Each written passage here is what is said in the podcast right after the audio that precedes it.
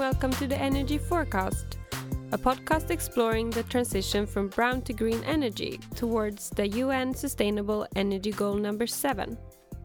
My name is Signe, and I'm your host for this episode. In today's podcast, we're going to discuss energy system analysis, and I'm happy to introduce my guest, Mark Howells. Mark is originally from South Africa and now a professor within energy system analysis at the Royal Institute of Technology in Stockholm, Sweden. He's also a science policy expert for the United Nations and working with NASA and the World Bank, among others. Welcome to the show, Mark. Pleasure to be here. How are you today? Uh, not bad. Not bad. It's not a good day for solar energy, but uh, uh, many other good renewable forms of energy that we could use. Perfect. So let's start with the first question. Why did you start working within the energy sector? Um, I, I, guess it goes back some time ago. So as a as a little kid, I was always into experimenting with things, and I I remember, uh, you know, I, I, have two little girls right now, and they're beautiful, and I love playing with them, and. Uh, uh, I love seeing what they get up to. And I remember as a kid being in the same, uh, more or less the same age, uh, designing a boat that could power itself with uh, waves. So you wouldn't need different things to power it along. And it certainly looked like less trouble than having to row it. And ever since then, it's become a bit of a fascination. Uh, so there's the geeky fascination that I'm enchanted by, but uh, energy is really big business. It affects the environment and it affects our society. So understanding how it all fits together is is really intriguing. Wow! So, how old were you when you did that boat? Because that's that's impressive. That's... I think, yeah, I think I was about nine. But my five-year-old daughter is probably a fair amount smarter. She's already causing a lot of havoc in the house with her uh, quote experiments unquote.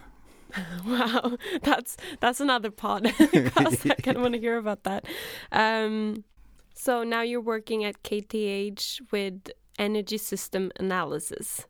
Yeah, and a, a key thing there is that um, so, just to give you an idea about how energy plays a role in our lives, I'm sitting here with a cup of coffee, which is really nice.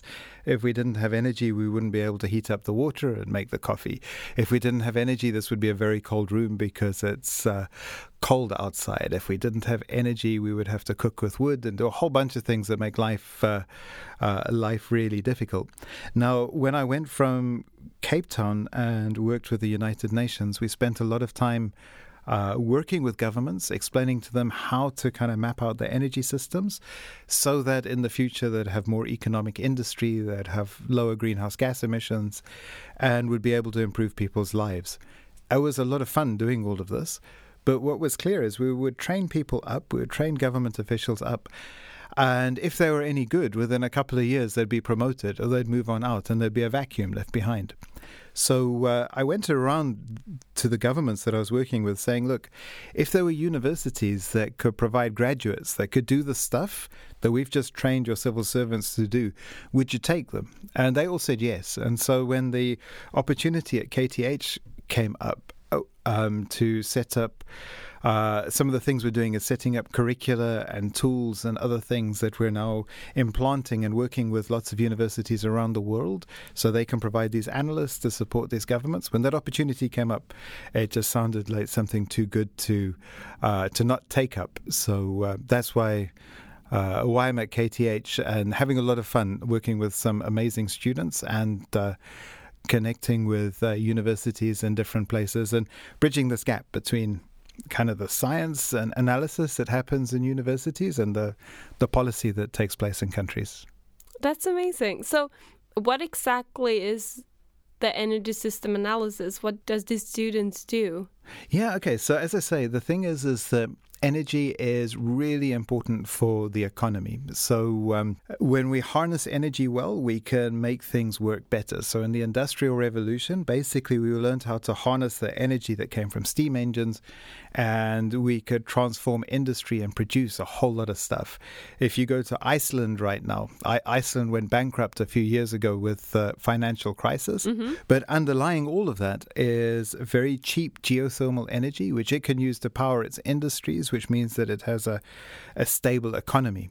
And so part of energy systems analysis is to figure out how to make uh, all of the services you need in, in, in industry, the cheapest that they can possibly be, and at the same time minimize environmental impacts to make the economy grow. Okay. And so we kind of run all of the numbers. So if you want to produce cars, we have a look at the things you use to produce cars, and there's uh, all kinds of appliances and widgets and other things, and maybe you could use those efficiently, and then that those require electricity, and then how do we generate the electricity?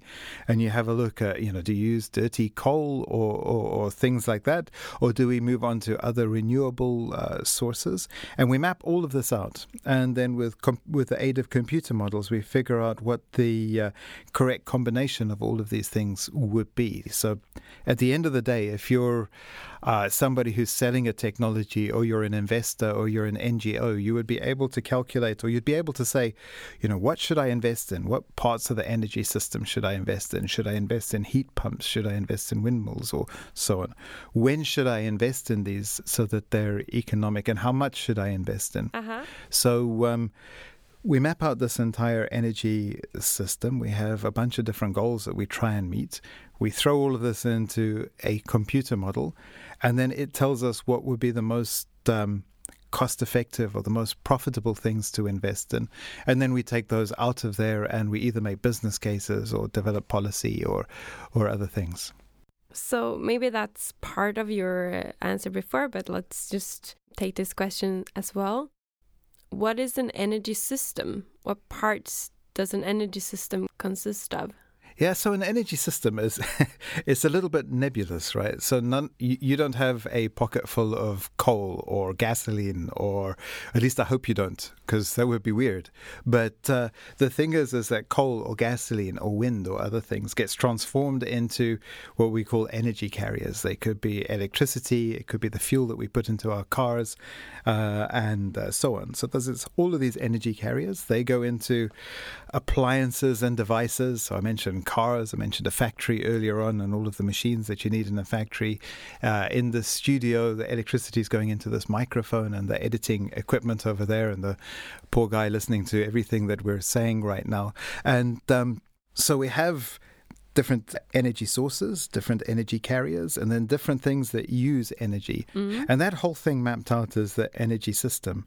Now, this energy system is interesting because it has to operate well but then it also impacts other systems. So uh, the sector of society that impacts the environment the most, at least in terms of greenhouse gas emissions and acid rain and a whole bunch of these things, is the energy sector. So uh, when we burn coal or we burn gas or we do other things, that impacts uh, the environment. So the energy sector has this clear link with the environment that's really important. Mm-hmm. At the same time, it has this clear link with the economy. So I mentioned Iceland earlier. It has cheap geothermal power, which keeps the economy uh, going if energy supplies get cut, then the economy gets massively damaged and people will go to war. If you have a map of oil reserves and military bases, you'll see that there's a, a very strong correlation simply because if you cut off that fuel, it'll absolutely uh, stop the economy, which will cause uh, problems. At the same time, it'll impact our lives. So, um, in terms of society, the types of lives that we live are very much dependent on the type of energy that we have here in Sweden, we have access to uh, good internet, you know, our phones, which all, all of this runs on electricity and so on. We can be really connected. Yeah. But if you're stuck in Rwanda, for example, you're not going to have electricity, which means that you're not going to have fridges, which means that you're not going to have vaccines, you're not going to have anesthetics, you're not going to have a whole lot of things, which means that uh, the quality of life you're going to have is um, going to be very, very substandard.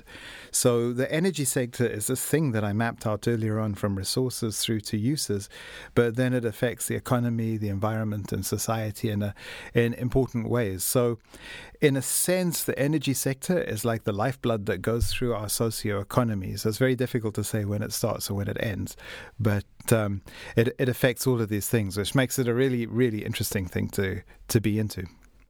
Yeah, thank you. So you talked about this a little bit before, but just to clarify, the work the students do at the university, what do you use it for? Yeah, no, that's a that's a good question. So we have uh, uh, the the energy sector.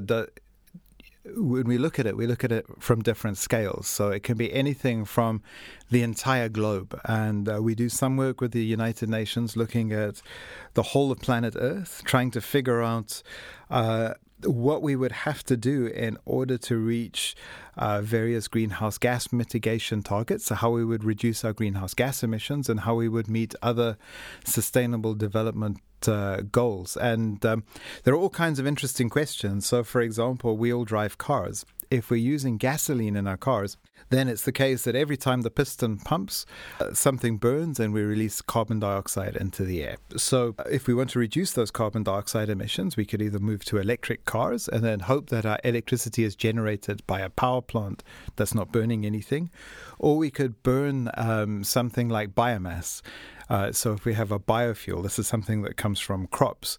Uh, so we burn this, so we're releasing carbon dioxide emissions, but at the same time, you're growing plants, and as plants grow, they suck carbon dioxide out of the, the atmosphere. So this, in this global uh, tool, we have a look at things like if we were to uh, fill up our cars with biofuel and we have to grow the crops to do that, are we also going to be able to grow enough crops to feed hungry people? And uh, these are these are very difficult questions mm-hmm. because to fill up a, a, a biodiesel Volvo with uh, with fuel, you require the same amount of land and water that you could use to feed a hungry person for a year.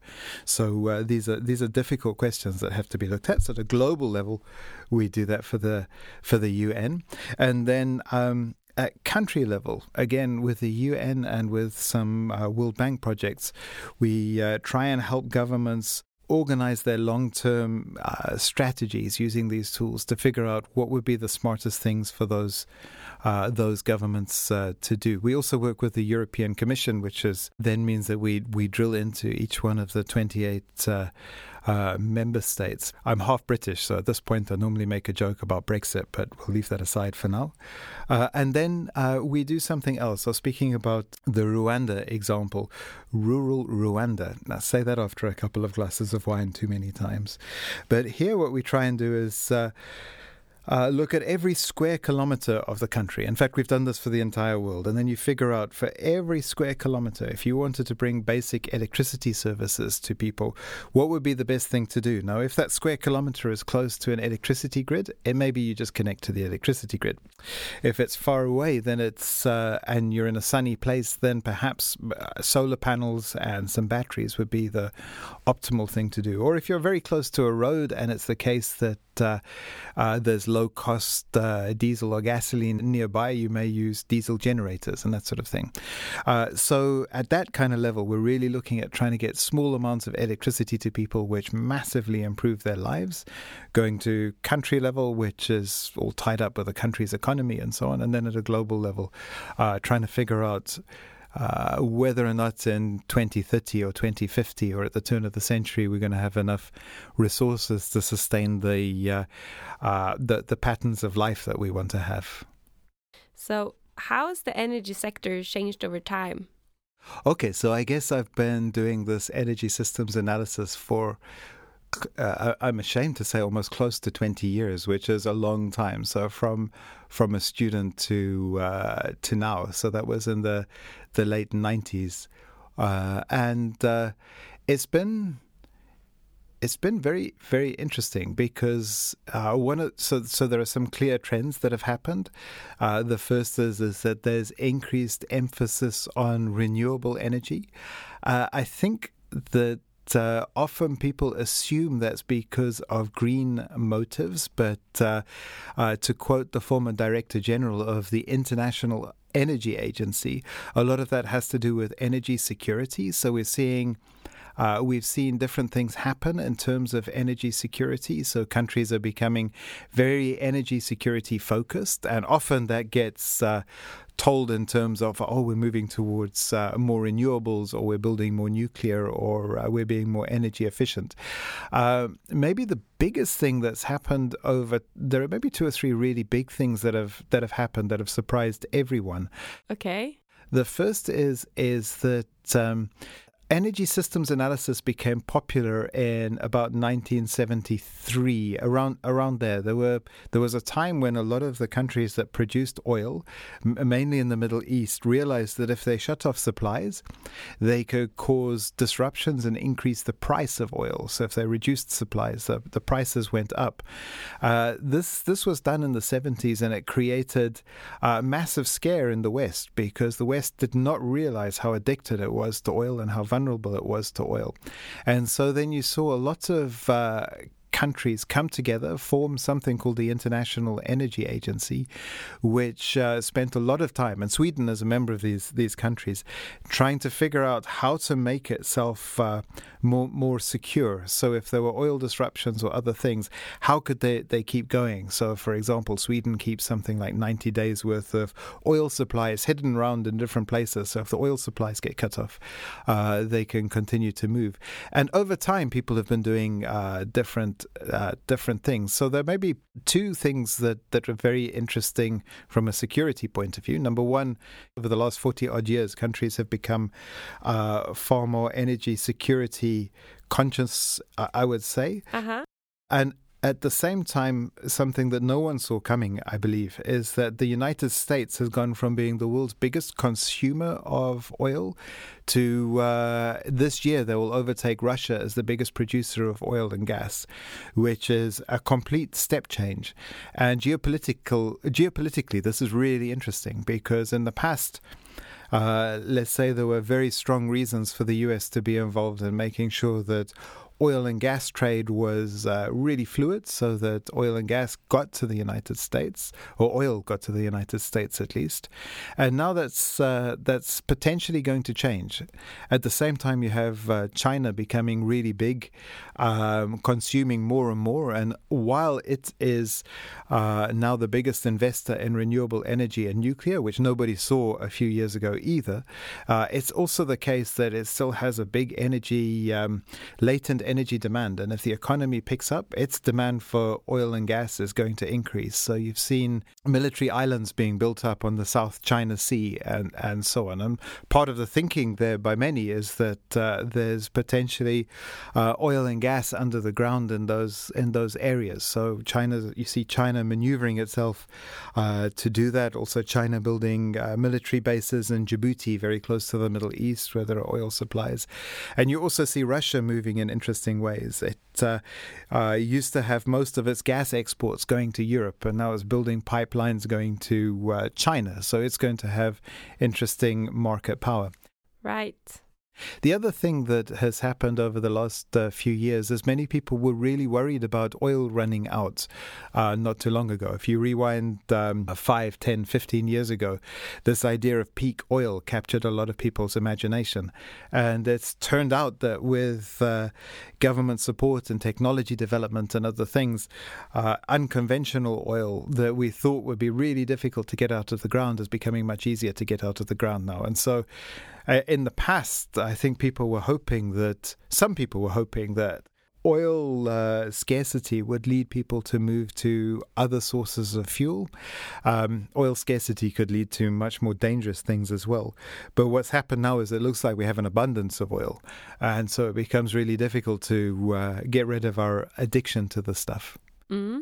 So I think in the in the last uh, 40 years, a lot of things have changed. And while I've been an analyst, when I started, oil prices were really, really low. And then they got super high. And no one thought that they would ever get really high. And then there was this massive development in the renewable energy sector. And then a lot of the oil producing countries saw that this was uh, going to reduce their oil sales. And so uh, oil prices, maybe coincidentally, maybe not, went down. And then it became a difficult time for renewable energy. And so we're, we're, we've seen over the last uh, uh, four decades and the last two decades where I've been uh, involved in this scene, a lot of really, really interesting changes. And behind all of this, energy systems analysis is about trying to unpack these changes so that when we um, make decisions about the energy sector, we can kind of uh, guess and hedge our bets and think about where to where to make the most sensible investments. So, what are your biggest learnings if you have like two, three? Yeah, that's a, that's a really good question. w- w- one thing that I find very, very interesting is that the energy sector, it, because it's tied up with all of these parts of our society, so the economy and resources and people's lives, and it's really, really big business uh, as well, and it affects the environment, is that there's a lot of smoke and mirrors you know, there, there, there's very, very big industry uh, pushing particular agendas uh, and so on. Sometimes those are good agendas, sometimes they're bad agendas. Uh, we also have enthusiasts that uh, get very excited about uh, about certain things. Like you can ask somebody, "What is sustainable development?" and they might turn around and say, "Oh, it's wind." You know, and okay, so in certain instances, wind power might be uh, might be really good. But if you have to use a lot of resources and a lot of land and other things to generate that wind, maybe maybe you need to be a little bit careful about how you make these these these investments. So um, the th- I guess that the thing for me that's been most interesting is seeing all of the uh, lobbying and positioning and so on going on on the one hand, and on the other, trying to understand how the system fits together so you can get clear information to decision makers. Because I think this is one of the most difficult uh, sectors uh, to be able to communicate uh, clearly. Mm-hmm. A lot of people who are into their technology you know, they tend to talk about details of their technology, and the rest of us are, are, are looking at them thinking, hmm, I think I'm going to have a, a cup of coffee now or do something else. Uh, at the same time, because energy is so important in the way uh, we live, being able to communicate that in a in a clear way is is uh, is critical. And there are a lot of uh, there are a lot of reasons why that it, many would not like that message to be clearly communicated, and so for me that's been extremely interesting just to see uh, see that particular space. Okay, so let's do the last question. Are you ready? I am. I should just add one thing okay. too, though, that uh, is uh, maybe one of the most interesting things, and that is that um, a lot of what happens about our future is going to be completely dependent on the energy sector. That that that that is clear. And so if you have lots of analysis and tools to be able to look at the future, that's wonderful. However, what has been another big surprise is that a lot of the future is shaped by individuals and champions. So uh, you look at Elon Musk, he's doing a whole lot, which is really interesting. The same goes for um, people going out into industry, doing things in different places, or uh, students going on and doing really, really interesting stuff. And I guess, and, and I should uh, just in terms of full di- disclosure mention that you were one of our brightest master students, uh, Signe. But it's, it's, it's, it's, it's true. And the thing is, is that you see people going out and making a difference. And I think that's maybe the, so, something that's been a bit surprising is just to see that changes are made by individuals, and uh, that's uh, that that's really important. So if you're excited by this kind of stuff, whether you're listening online or uh, otherwise, just going out and uh, and doing stuff, I think is really important because that's going to make a change. Thank you. It's really inspiring. So, given what we know so far, what is your energy forecast if you were to predict 30 years into the future? Yeah, so I normally, uh, when, when we're talking about looking into the, the future, which is what most of these most energy systems analysis stuff and the computer models that we use are all about. We're all about trying to look into the future. I normally ask anybody in the uh, in the class or the, the analysts that I'm working with, can anybody here predict the future? Because if you do, if you can, then uh, uh, I either need some advice on some stocks, or you probably want to go and speak to a different kind of doctor, uh, and so on. So we, we can't tell the future. We don't know what the future is going to hold. So that's that's one thing that's important. I think there'll be things that come up that we just didn't see uh, see coming. But there are some trends that I think are very, very, very interesting interesting that are changing a lot of stuff. And I'm just going to freewheel here uh, a, a, little bit. Okay. So one thing is is that we're into more and more distributed generation, and we're into buying services. So just to translate that into uh, English, uh, if you have a nice new fancy Volvo electric car and it's freezing outside now, and you know that you're going to get chased out of the the studio in five minutes, on your phone you can press a button and say "Heat up my car." And it'll go and heat up your car. Now, behind all of that, a whole bunch of stuff is going on. This telephone is sending a signal to uh, some controller somewhere that goes through the telecom system. It goes back, it goes all the way back into your car, turns your car on, and some heating systems inside of your car so it can get warm. Now, there's a whole bunch of controls going on there that are very, very difficult to do. There's not some uh, man or woman in the background flicking switches, this is done automatically. The same is going to happen for the heating in our homes. The same will happen for how our fridges get used. The same will happen for almost everything. And so we see these devices, these smart devices now, um, uh, like Alexa and others, that uh, take information that's coming in and change um, our environment, change different things. And the control required for that is phenomenal to be able to match these demands uh, with different supplies of energy. And in the old days, this was just a couple of big power plants. Now you've got these big power plants. People put solar panels on their roofs. Other people may have uh, what are called heat pumps that take advantage of warm energy that we can get out of the ground and so on. And controlling this is going to be uh, really difficult. But at the same time, a whole bunch of things are improving. We're getting faster computers and we're getting better artificial intelligence. Yeah. Which means that uh, the age of the machines is coming. And a lot of this control is going to be out of our hands. And I think that understanding uh, increased automation and increased machine activity in everything we do on the one hand, and making sure we minimize security threats is going to be extremely uh, important. And that's something that I think is going to be uh, interesting into the future. We all want all of these new gadgets and uh, and so on. Controlling that is going to create some some stress. Uh, also, you see that we're we're moving into a world where either for energy security reasons or um, environmental reasons, we're moving away from carbon-based uh, fuels. So we see that there's a so you'll see in China right now there's increased investment in, in nuclear in particular.